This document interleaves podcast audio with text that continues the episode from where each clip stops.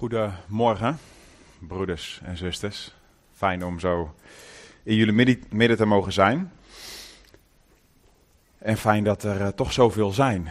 Ik, eh, ja, denk dat dat heel goed is, dat we met elkaar weer samenkomen, zoveel als mogelijk. Omdat het ook een opdracht van de Heer is. Ik denk wel eens van, ja, we beleiden al jaren, het is zo belangrijk, hè, samenkomen. Eh, als één kooltje uit het vuur eh, gehaald wordt, dan eh, gaat die uit, hè. Ehm, en dan gebeurt, nou ja, wat er gebeurt. En ik vraag me dan wel eens af, van, ja, hoe belangrijk vinden we het echt met elkaar om samen te komen. Maar goed, dat zijn mijn worstelingen met die corona-perikelen en de maatregelen van de overheid en zo. Ja, dat vraagt veel wijsheid hoe we daar op een goede manier met elkaar mee omgaan. Maar ehm, fijn dat we met elkaar de Bijbel kunnen openen. En dat wil ik doen in Efeze. Er is net al een stukje uit gelezen. Maar ik wil met u een gedeelte lezen uit Efeze hoofdstuk 4.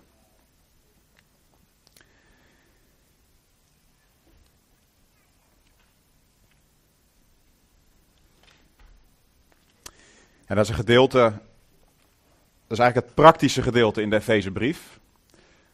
Ehm, onze broeder las net een gedeelte voor uit Efeze waar het echt ging over ja, hoe gezegend we zijn in Christus. Welke impact het werk van Jezus heeft op ons leven en hoe we daarin gezegend zijn door het werk van Jezus. En dat evangelie heeft als het goed is ook impact op ons handelen, op onze dagelijkse levenswandel. En dat is het tweede gedeelte van de Efezebrief en dat begint in hoofdstuk 4, vers 1.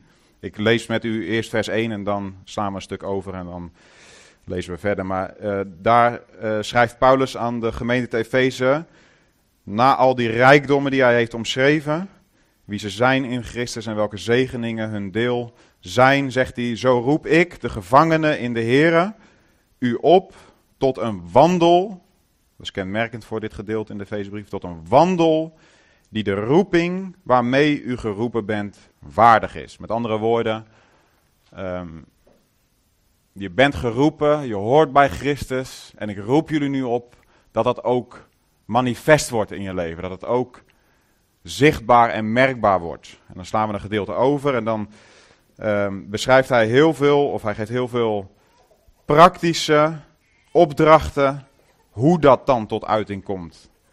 Het leven van Jezus in ons. En dan lezen we vanaf vers 25. Leg daarom de leugen af en spreek de waarheid. Ieder tegen zijn naaste. Wij zijn immers leden van elkaar. Word boos, maar zondig niet. Laat de zon niet ondergaan over uw boosheid. En geef de duivel geen plaats, of geef hem geen voet.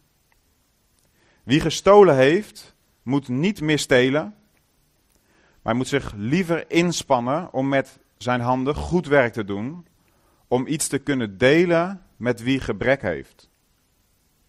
Laat er geen vuile taal uit uw mond komen, maar iets goeds, dat nuttig is, tot opbouw, met het doel dat het genade geeft aan hen die het horen.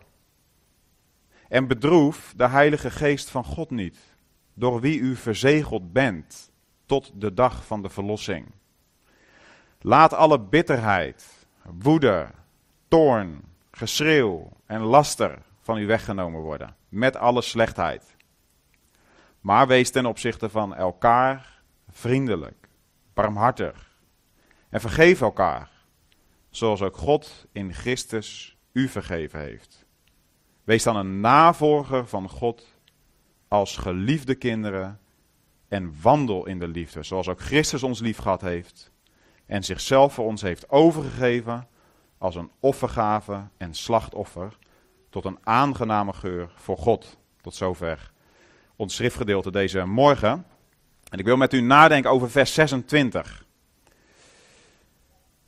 En ik heb boven de, als thema boven de boodschap gezet van deze morgen een opdracht tot boosheid. Want we lezen in ons tekstgedeelte vers 26, word boos, opdracht, word boos. Maar zondig niet. Laat de zon niet ondergaan over uw boosheid en geef de duivel geen plaats. Dat zijn de woorden waar we deze morgen over nadenken. Een opdracht tot boosheid. Nou, er staat heel veel over boosheid in de Bijbel.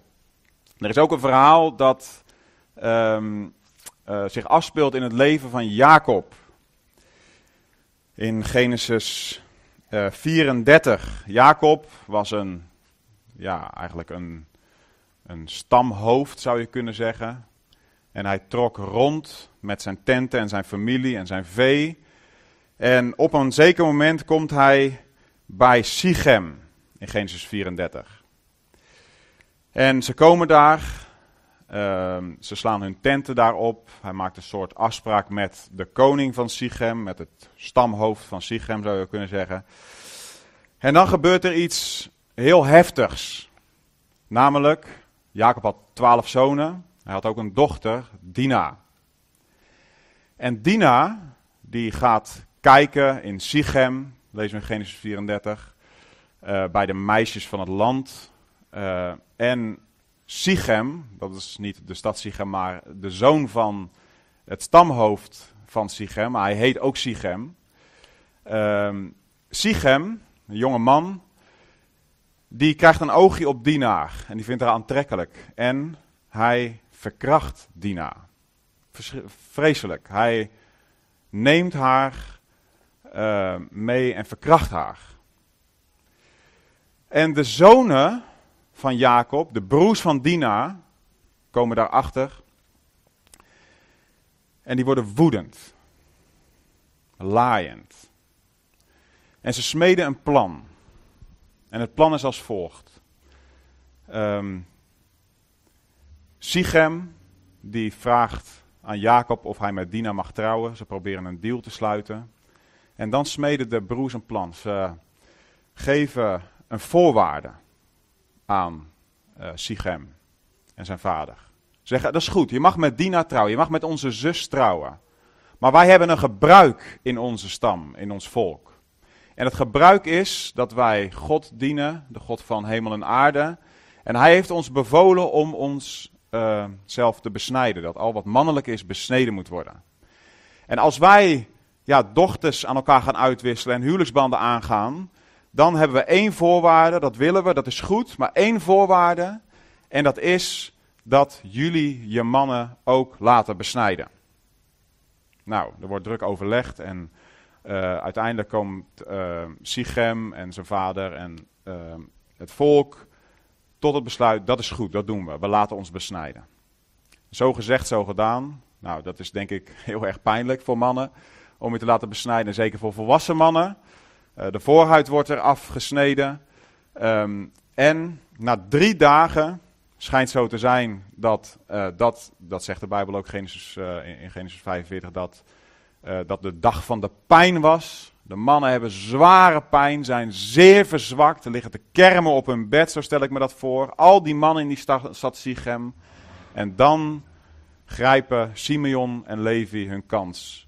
En ze gaan met hun zwaard de stad in en moorden alle mannen uit. In koele bloeden. Ze vermoorden alle mannen in Sichem. Met het zwaard. Ze doden het vee, ze nemen ook vee mee. Ze nemen de vrouwen en de kinderen mee. En um, het leed is geschied. Verschrikkelijk. Ze werden woedend. En hun woede resulteerde erin dat ze op een grote schaal een stam eigenlijk uitmoorden. En dan zegt Jacob: Wat hebben jullie gedaan? De eer van mijn naam is de grabbel. En wat zal er wel niet gebeuren dat alle volken, als het te oren komt aan andere stammen, andere normale stammen, wat zal er dan niet gebeuren? Hoe zal het met ons moeten gaan? Zij worden boos en zij zondigen wel. En het heeft destructieve gevolgen. Zelfs zo dat als Jacob de zegen over zijn zonen uitspreekt, of misschien beter gezegd, profetieën uitspreekt over zijn zonen op zijn sterfbed, dan is heel opmerkelijk, dan slaat hij, dan geeft hij de zegen niet mee aan Ruben, de oudste, want Ruben had geslapen met uh, zijn ehm, slavin. Zo zeggen, hij, hij was gevallen in seksuele zonde. Een enorme belemmering voor de zegen. Maar hij geeft ook de zegen niet mee aan Simeon en Levi. Maar hij geeft de zegen mee, de grote zegen, aan Juda, de vierde zoon. Normaal was het zo dat de oudste zoon de zegen kreeg. Dat hij de lijn zou voortzetten. En dat zeker de beloften die gelden voor Jacob en zijn nageslacht, dat de verlosser eruit geboren zou worden, um, zou de oudste zoon meedragen, de volgende generatie in. Maar Ruben, of, uh, Ruben krijgt hem niet, Simeon en Levi krijgen hem niet, maar hij zegt, Juda, jij bent het. Uit jou zal de verlosser voortkomen, de koning der koningen. En over Simeon en Levi zegt hij dit. Hij zegt, uh, Simeon en Levi, je stelt je dat voor? Jacob op zijn sterfbed zegent zijn zoon en spreekt profetieën uit over zijn zonen. Simeon en Levi's zijn broers, Genesis 49. Hun wapens zijn werktuigen van geweld, zegt hij. Laat mijn ziel, zegt de oude Jacob, niet in hun geheim overleg komen. En laat mijn eer niet aan hun bijeenkomst deelnemen. Want in hun woede hebben zij mannen doodgeslagen. En in hun moedwil hebben zij runderen de pezen doorgesneden. Vervloekt zij hun woede, zegt hij, want die is hevig. En hun verbolgenheid, want die is hard. Ik zal hen verspreiden over Jacob en hen verspreiden over Israël. Nou, even een voorbeeld ter introductie van boos zijn, je woede op een verkeerde manier uiten en wel zondigen en de zegen mislopen. Maar Paulus zegt, word boos, broeders en zusters van Efeze en broeders en zusters van Oude Water. Word boos, maar zondig niet. Um, boosheid aan zich is geen zondige emotie. Ik denk dat dat heel erg, uh, of heel vaak bij ons wel in onze gedachten, boosheid associëren wij denk ik vaker met iets negatiefs dan met iets positiefs. Maar Paulus zegt, word boos, maar zondig niet. Dus het is een opdracht. Be angry in het Engels. Het is, staat ook echt in het Grieks ook. Het is een, echt een opdracht. Het is geen vertaalfout. Word boos. Um, en dat is geen, daaruit concludeer ik dat boosheid geen zondige emotie is. Uit het feit dat God ons de opdracht geeft om boos te worden. Maar ook weten we dat het geen zondige emotie is, omdat het een, een, een emotie is die God ook heeft en kent. En aangezien God volmaakt is en heilig is, en aangezien er in hem geen onrecht is, um, is de, de emotie boosheid aan zich geen zonde.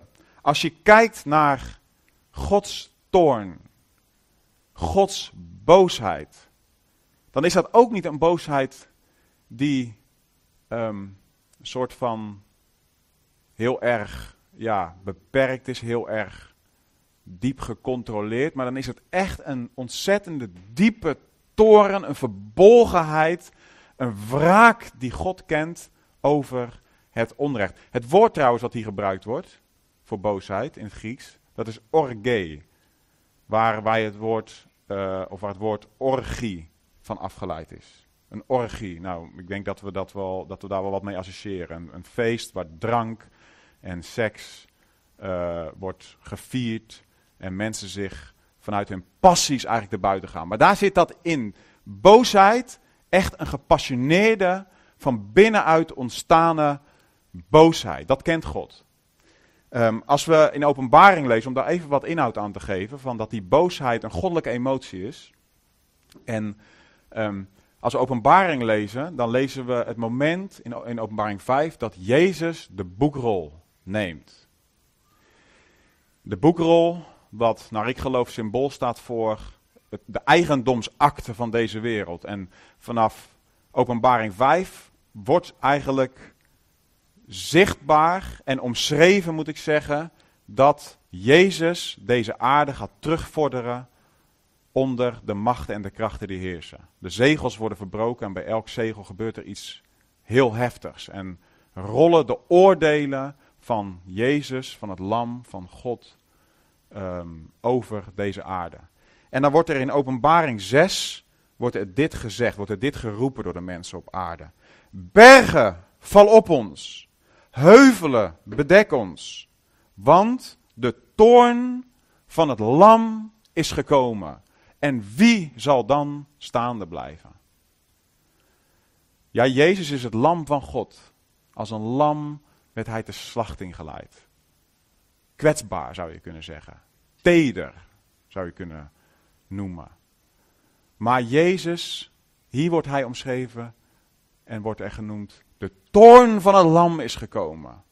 Dit lam, vol macht en vol majesteit, zal op een dag ook toornen. En ik, als je het hebt over de toorn van God en over de boosheid die God heeft over onrecht en over het kwaad.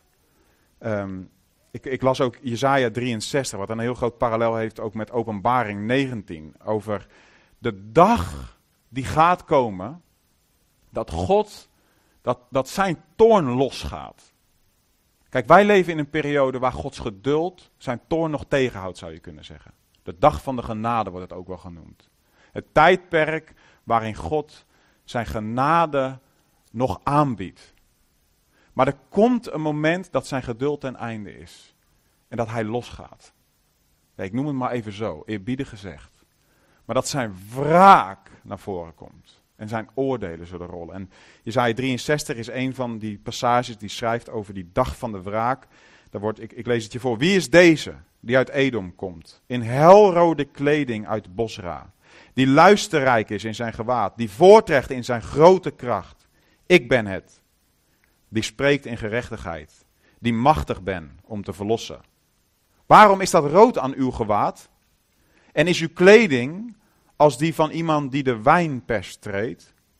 Ik heb de pers alleen getreden. Er was niemand uit de volken met mij. Ik heb hen vertreden, sprekend over Jezus, naar ik geloof. Ik heb hen vertreden in mijn toorn, hen vertrapt in mijn grimmigheid. Hun bloed is op mijn kleding gespat. Heel mijn gewaad heb ik besmet, want de dag van de wraak was in mijn hart. Zie je? En openbaring schrijft diezelfde woorden, dat Jezus komt met macht en majesteit en zijn kleding rood van het bloed van degene die hij zal wreken. Dit is ook God. God die op een dag zal toornen en wraak zal oefenen over, over het onrecht. God kan onrecht niet aanzien. Niet in, in jouw leven, in mijn leven. En niet in, in, in deze wereld. Hij moet daar wat mee. Het gaat zo tegen zijn heilige natuur in. En de vraag is, en dat is ook goed om, om tot je te laten komen, van sta je op vriendschappelijke voet met deze God? Staat u op vriendschappelijke voet met deze God? Of is hij uw tegenstander? Bent u nog vijandig gezind ten opzichte van hem?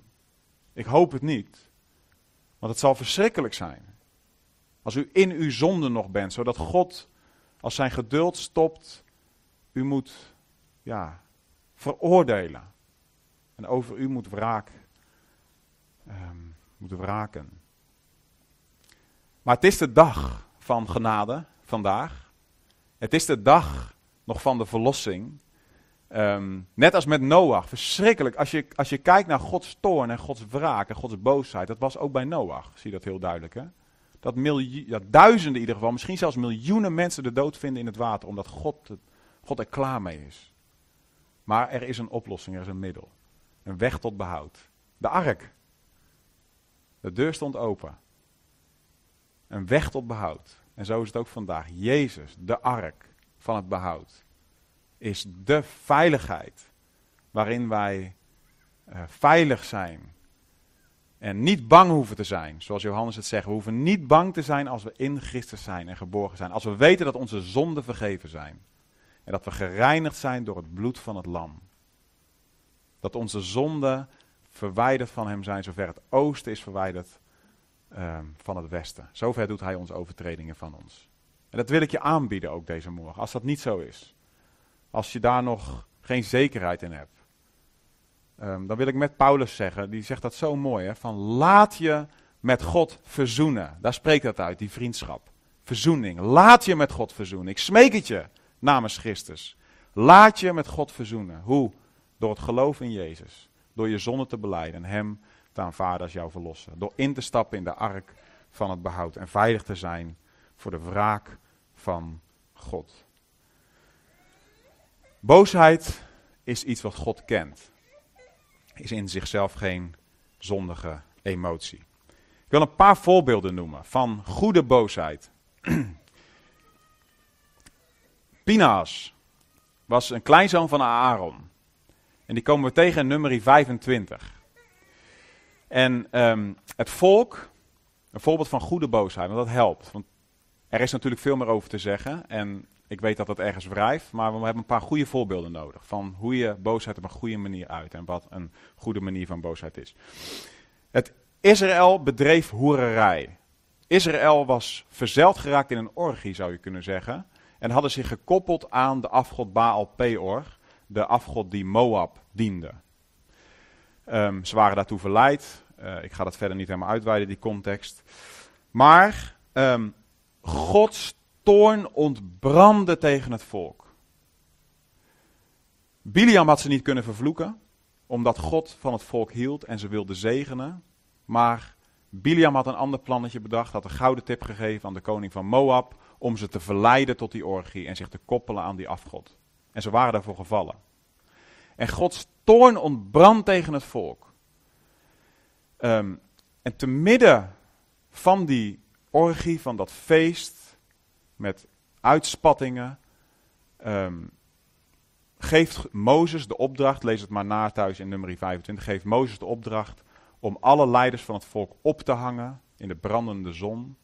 En Gods toorn ontbrandt op een of andere manier en er sterven duizenden mensen van de Israëlieten aan een of andere pest of ziekte of branding, ik weet het niet, maar er sterven duizenden mensen in ieder geval onder het oordeel van God. En te midden van dat moet je je voorstellen, zit Mozes en, en Aaron zitten huilend voor de tent van de ontmoeting, lezen we in nummer 25. Ze zitten er huilend voor de tent van de ontmoeting. De toorn van God brandt. Mensen sterven. En dan komt er een Israëliet het kamp binnenwandelen. Met een Midianitische vrouw. En op een hele provocerende manier neemt hij deze vrouw zijn tent in. Om gemeenschap met haar te hebben. Te midden van het kamp van de Israëlieten. Te midden van het oordeel van God. En dat raakt Pinaas, de kleinzoon van Aaron. Belast met priestelijke taken. Dat raakt hem en hij wordt boos en woedend. Hij pakt zijn speer, hij staat op, gaat de tent binnen van deze Israëliet en doorsteekt de Israëliet en de vrouw totdat ze dood zijn. Woede, geuit, op een goede manier. Je zou zeggen, goede manier. Ja, weet je wat het getuigenis is? Wat God over Pinaas zegt? Dit. Gods, de plaag werd tot stilstand gebracht. De mensen stierven niet meer. Gods toorn werd afgewend. En God zegt over Pinas: Hij heeft mijn grimmigheid afgewend doordat hij zich in hun midden met ijver voor mij heeft ingezet, zodat ik de Israëlieten in mijn naijver niet vernietigd heb. Pina, Pineas ehm, zag het onrecht, zag ehm, deze provocerende, perverse daad van deze Israëliet. En het raakt hem. Hij wordt boos, hij staat op en hij neemt actie en brengt de toorn tot stilstand. Het was geen persoonlijke afwijzing die hij had, of een persoonlijk conflict wat hij met deze Israëliet had, maar de eer van God en de redding van zijn volk dreven Pineas, die ook een taak had als middelaar tussen God en het volk. Dus het was ook in zijn cirkel van invloed, zou je kunnen zeggen. Want ik denk niet dat wij met elkaar de oproep moeten doen om dat onrecht op die manier uh, te stoppen en met speren door dit land heen uh, te rennen als christenen. Dat begrijpen we denk ik allemaal. Maar Pinehas in zijn taak, in zijn verantwoording, um, deed wat hij moest doen. Vanuit zijn boosheid. En dat is kenmerkend, dat is een principe. Boosheid wat zich richt op onrecht en de eer van God. En wat, wat handen en voeten krijgt um, en praktisch wordt gemaakt, zoals bij Pineas. Tweede voorbeeld, ik noem ze kort. Nehemia. Ook een heel mooi voorbeeld van boosheid. Nehemia 5. Nehemia, er was heel veel aan de hand. Het volk was teruggekeerd uit ballingschap, uit Assyrië. Um, Nehemia was belast met de taak van de herbouw van de muren van Jeruzalem. En te midden van dat, dat opbouwen van het land. En God weer zijn plek geven in Jeruzalem. Met zijn volk rondom hem. Ontstaat er een. Uh, of komt hem iets te oren, namelijk dit. De armen doen hun beklag bij Nehemia. Ze zeggen: Nehemia moet je luisteren, we zijn in het land gekomen. Um, maar wij zijn arm. We hebben geen geld genoeg om onze belasting te betalen aan de koning van Assyrië. En daardoor moeten we geld lenen bij onze rijke broeders van de Israëlieten. En we lenen geld en ze vragen rente aan ons, Nehemia. En daardoor, omdat we die rente moeten betalen, kunnen we geen graan kopen. En moeten we nog meer leningen afsluiten. En het, de fuik trekt zich samen, want ook dat kunnen we op een gegeven moment niet meer betalen. We moeten land afstaan en verkopen en onze huizen verkopen. En zelfs zo dat we onze zonen en onze dochters als slaven moeten verkopen aan de rijke Israëlieten. En we houden niks over Nehemia. Onrecht. Te midden van het bouw van de gemeente zou je kunnen zeggen. Van uh, de muren en van veiligheid. En Nehemia wordt boos. Weer zo'n voorbeeld. Er staat dit, Nehemia 5 en 6. Ik ontstak in hevige woede, zegt Nehemia. Ik ontstak in hevige woede toen ik hun geroep en deze dingen hoorde. Ik ging bij mezelf te raden, riep de edelen en de machthebbers ter verantwoording en zei tegen hen, u leent geld uit tegen rente, ieder aan zijn broeder. Hij belegt een vergadering en uh, zorgt ervoor, om lang verhaal kort te maken, dat het onrecht stopt. Weer zo'n voorbeeld van goede boosheid. Onrecht, Nehemia wordt boos, het raakt hem dat zijn volk onrecht wordt aangedaan en hij neemt actie vanuit die boosheid. Wordt boos Nehemia, nou dat deed hij. En hij zondigde niet, maar hij bracht het recht in zijn verantwoording. Derde voorbeeld, Jezus. Jezus, er staan een aantal voorbeelden van het leven van Jezus. Um, toen hij hier op aarde was, van zijn boosheid. Nou, we kennen allemaal de tempelreiniging. Uh, dat moet wat geweest zijn, dat Jezus daar. Hij wordt zo geraakt door het feit dat het huis van zijn vader een rovershol was geworden. Dat raakt hem. Wat raakt ons nog? Raakt het ons nog dat de gemeente uh, in verval is? Raakt het ons nog dat um, er een evangelie klinkt, dat mensen het geld uit de zakken wordt getroggeld in de naam van Jezus? Raakt het ons nog? Wat raakt jou nog in onrecht in het huis van God en in deze wereld? Nou, Jezus werd enorm geraakt toen hij zag dat mensen een handeltje hadden gemaakt in de naam van religie, in de naam van de dienst aan God. Geldwisselaars. Mensen die reine dieren verkochten in de tempel. Want ja, het andere was niet rein genoeg. De dieren werden afgekeurd. Je moet zo'n dier kopen. Over de rug van de Israëliet werd er winst gemaakt. En Jezus wordt woedend. Hij maakt een gezel van touwtjes. Ja, ik weet niet hoe, wat voor beeld u bij Jezus heeft, maar het is niet mijn standaardbeeld. Maar hij maakt een beeld van, of een, een gezel van touwtjes. En hij gaat door die tempel heen. En hij jaagt, hij drijft die geldwisselaars en die handelaars de tempel uit. Hij keert de tafels om, het geld vliegt door de hele tempel heen. De beesten die, die rennen en de duiven vliegen door die tempel heen. Hij veegt het schoon. Hij wordt boos. Het raakt hem. En hij zet het om in actie, want het, de, um, hoe staat het er? De ijver voor uw huis heeft mij verteerd. Wordt boos. Hij zondigde niet. Hij deed recht. Hij deed het juiste. Zie je, voorbeelden van goede boosheid. Ik heb nog meer staan, maar ik denk omwille van de tijd dat het goed is om het hierbij te laten. Goede voorbeelden van boosheid. Wat vooral te maken heeft, dat valt mij op als ik mijn Bijbel lees. Wat te maken heeft met het onrecht wat de anderen wordt aangedaan. Onrecht in deze wereld. En de eer van God. De zaak van God. Het gevaar. Er staat natuurlijk nog wat achter. Word boos, de opdracht. Word boos, maar zonder niet. Boosheid is een goede emotie, niks mis mee, maar wel een hele gevaarlijke emotie. Vandaar de, gelijk de, ehm, de rem zou je kunnen zeggen, of ehm, ja, de opmerking, maar zondig niet. Pas op, want boosheid kan je heel snel tot zondigen brengen. Nou, zondigen is Gods wet overtreden. Onrecht doen aan Gods hart en wie hij is. Dus boos worden en als een woedende stier uh, dingen aanpakken in relatie met anderen, als iemand jou triggert of wat dan ook, is niet helemaal de manier. Um,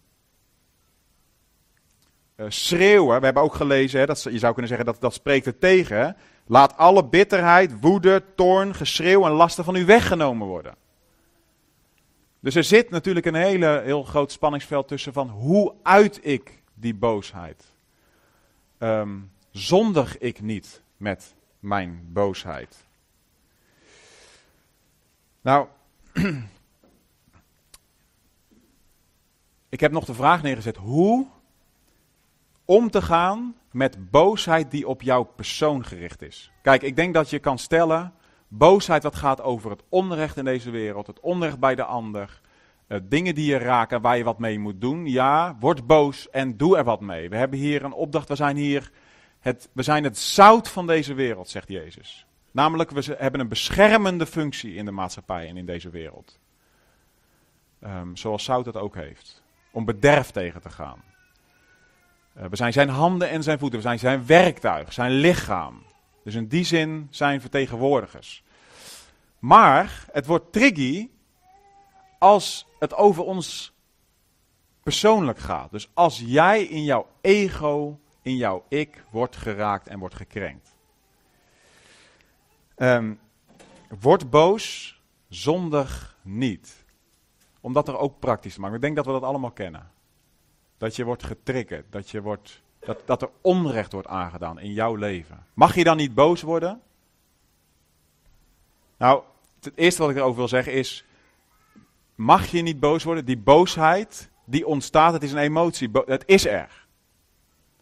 En word boos. Ik denk ook dat, ehm, als, ik ook, als je de psalmen leest, ook de wraakpsalmen, um, dat we kunnen zeggen tegen elkaar, ja, uh, pas op dat je die boosheid, als jij geraakt wordt in jouw ego, in, jouw, in, jouw, in jouzelf, dat je de boosheid niet onderdrukt en wegduwt, van ik mag niet boos zijn. Ik denk dat je in de psalmen leest dat er juist ruimte moet zijn ook voor boosheid. Maar zondig niet, pas op.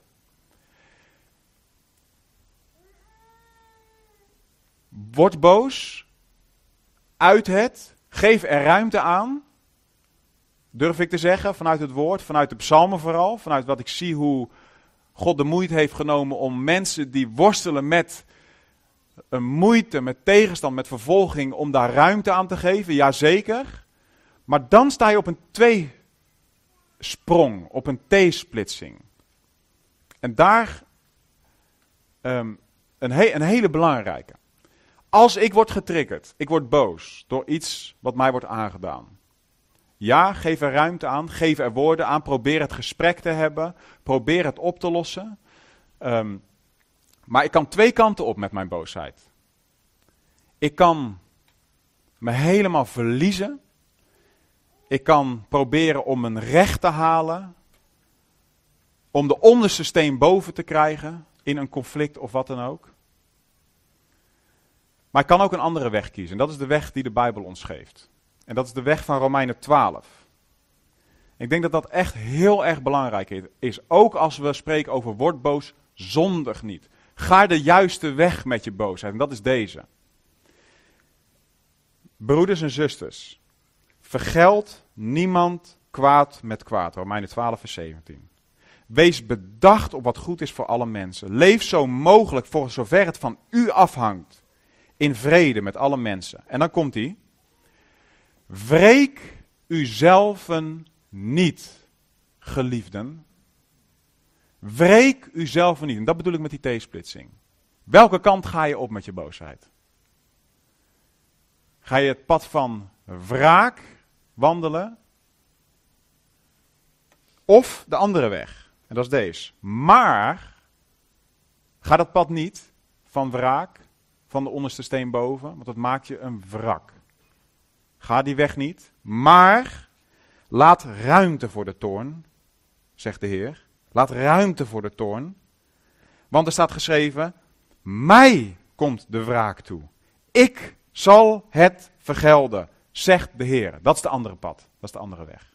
Wat moet je doen met je boosheid? Ja, zet het op papier. Probeer het goed te krijgen. Geef er woorden aan. Onderdruk het niet, zeker. Maar kies niet het pad van de wraak. Van het recht. Maar kies het andere pad. En dat is dat je al die boosheid. Alles wat jou is aangedaan. Geeft aan God. Dat klinkt nogal vaag. Geef het aan God, joh.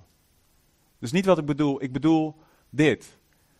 Vertrouw God dat Hij recht zal doen. Jij hoeft geen recht te halen. Jij hoeft je gram niet te halen. Jij hoeft die onderste steen niet boven, zodat iedereen ziet hoe onschuldig je wel niet bent. God zal recht doen. Dat is ook de basis voor vergeving. Je zegt ja, lekker zeg. Dan zeg je eigenlijk, nou, God zal het wel doen hoor. Haha, ja, hij krijg je wel hoor. Wacht maar. Ja. Ja. God zal recht doen. Er is, kijk, in de psychologie zal je horen wat ik eerst zeg. Hè? Geef ruimte, geef het een plek, laat het eruit komen, onderdruk het niet, absoluut. Maar in de seculiere psychologie wordt er geen rekening gehouden met God. En dan is het ja, als, wat, maar wat nou als die ander niet reageert en als er geen verzoening mogelijk is en alles. Ja, ga door en kom voor jezelf op, wees assertief joh. Maar de Bijbel zegt, kies een andere weg, broeder en zuster. Kies de weg van vrijheid. Geef het aan God. Vertrouw, jij hebt een God. Jij hebt iemand die van jou houdt, die je kent, die je Heer is als het goed is. Die jouw soevereine bestuurder en regeerder is in jouw leven, die alle dingen doet meewerken ten goede. We hebben een God, broeders en zusters, die voor ons opkomt. Dat is het evangelie, in een notendop. Ik hoef de strijd niet te strijden. God strijdt mijn strijd. Dat is Jezus. Ik kan de zonde niet verslaan. Kan de Satan niet verslaan. Ik heb een verlosser die voor mij strijdt. Wat Mozes tegen de Israëlieten zei. U moet stil zijn. En hij zal voor u strijden. Dat is de evangelie in de notendop. En dat is vrijheid. Dat is vrijheid. Weet je wat, welke weg dan wordt ontsloten? Dit, Romeinen 12. Als uw vijand, die je zoveel onrecht aandoet, als uw vijand hongert, geef hem te eten. ja, dat kan dan hè. Als je het overgeeft aan God, als je zegt van oké, ik ben geen eigenaar meer van dit. Ik, ik vertrouw dat u op een dag recht zal doen. Dan laat je los en dan word je ook losgelaten. Dan word je vrij. Vrij om lief te hebben. Om te dienen. Als je vijand e- hongert, geef hem te eten. Als hij dorst heeft, geef hem te drinken. Want door dat te doen, zult u vurige kolen op zijn hoofd hopen. Dan zal je hem triggeren. Wellicht zal je vijand zeggen, hè? Hij blijft gewoon zegenen. Terwijl ik hem vervloek. Dat kan. Word niet overwonnen door het kwade, maar overwin het kwade door het goede. De weg van vrijheid. Welke weg kies je in je boosheid? Word boos, zondig niet. Laat de zon niet ondergaan over je boosheid. Ook zo'n mooi iets. Ik heb geen tijd. Ik heb gezegd, het is tegen me gezegd dat ik het iets korter moet houden, ook vanwege de corona en zo. Ehm, laat de zon niet ondergaan over je boosheid. Laat het niet sudderen. Geef uiting, bespreek het. En Ehm, zo nodig laat los. Tot slot. precies, geef de duivel geen voet, want dat is het. Hè? Als je het laat sudderen, als je, het, als je zelf eigenaar blijft van je boosheid, dan wordt het een boom. Het is een, een, een, een, een, zaadje wat in je hart wordt geplant. En het wordt een boom. Een boom van bitterheid. Een boom van wrok. Misschien Misschien herkent u het wel in uw leven of ken je mensen die het hebben. Het, wordt, het neemt je hele leven in beslag, zodat je geen vrucht meer draagt voor Jezus. Je geeft de duivel een open deur. Je zegt, kom maar binnen. Je geeft hem een voet. Door boosheid. Door wrok. Door bitterheid. Door vergeldingsdrang. Geven we hem een voet. En kan hij zijn invloed doen in ons leven. En de andere weg is de weg van vrijheid. Tot slot, ik, ik vat het samen met twee punten. Boosheid Zondig niet, laat de zon niet ondergaan over je boosheid. Als het de onrecht betreft die de ander treft, of als het Gods zaak op het spel staat, word boos, zondig niet. We zijn zijn werktuig, zijn lichaam hier op aarde. Dat is wat je mee moet nemen. Ehm, dat we wel degelijk ons moeten laten raken. Tweede is, vanuit persoonlijke situaties, onrecht wat je wordt aangedaan, kies de weg van het evangelie. De weg van Jezus. Daarin zie je Jezus. Je moet maar eens de, je, de evangelie gaan lezen en met de vraag in je achterhoofd, waar werd Jezus boos omdat hij persoonlijk zich afgewezen voelde of afgewezen werd? Ik ben het niet tegengekomen. Ik zie Jezus die bidt voor zijn vijanden. Vader, terwijl die aan het kruis hangt en ze dobbelen om zijn kleding. Vader, vergeef het hun, want ze weten niet wat ze doen. En als dat leven van Jezus in ons is, broeders en zusters, worden we boos en zondigen we niet. De Heere zegene u. Laten we nog samen bidden. Hemelse Vader, we willen u danken voor uw woord, wat ook zo praktisch is. Wat ons handvatten meegeeft, zodat het leven van Jezus en onze navolging achter hem aan ook gestalte krijgt. Heer, we verlangen ernaar dat wij ook zijn in deze wereld zoals hij in deze wereld was. Dat we werkelijk zijn lichaam zijn, Heer. Vertegenwoordigers van hem. Dat dat ons ook kenmerkt, o Vader. En u eert en deze wereld zegent. Als wij Jezus navolgen en als zijn leven door ons heen vloeit. Dat wij werkelijk lijken op hem. Heer, daar snakken we naar. Tenminste, ik wel. Dat, ja, dat zijn leven, heren, ons leven is. In de praktijk van ons leven ook. Je geeft ons veel wijsheid. En uw geest. In al die diverse situaties die soms zo complex zijn. Wanneer we wel moeten reageren, wanneer we niet moeten reageren. Wanneer het ons moet, moet raken en we in actie moeten komen. En wanneer we moeten loslaten. Je geeft ieder van ons daarin veel wijsheid. En dat bidden we, Heer, in het vertrouwen dat u zegt, als we ons wijsheid ontbreekt, dat u het ons niet verwijt, maar dat u het mild en overvloedig geeft aan ons. Heer, maak ons zo mensen die ook echt wandelen zoals in Efeze 4 vers 1 hebben gelezen. Die wandelen waardiglijk onze roeping. Dat bidden we in het vertrouwen op u, op uw welwillendheid. En in de naam van Jezus. Amen.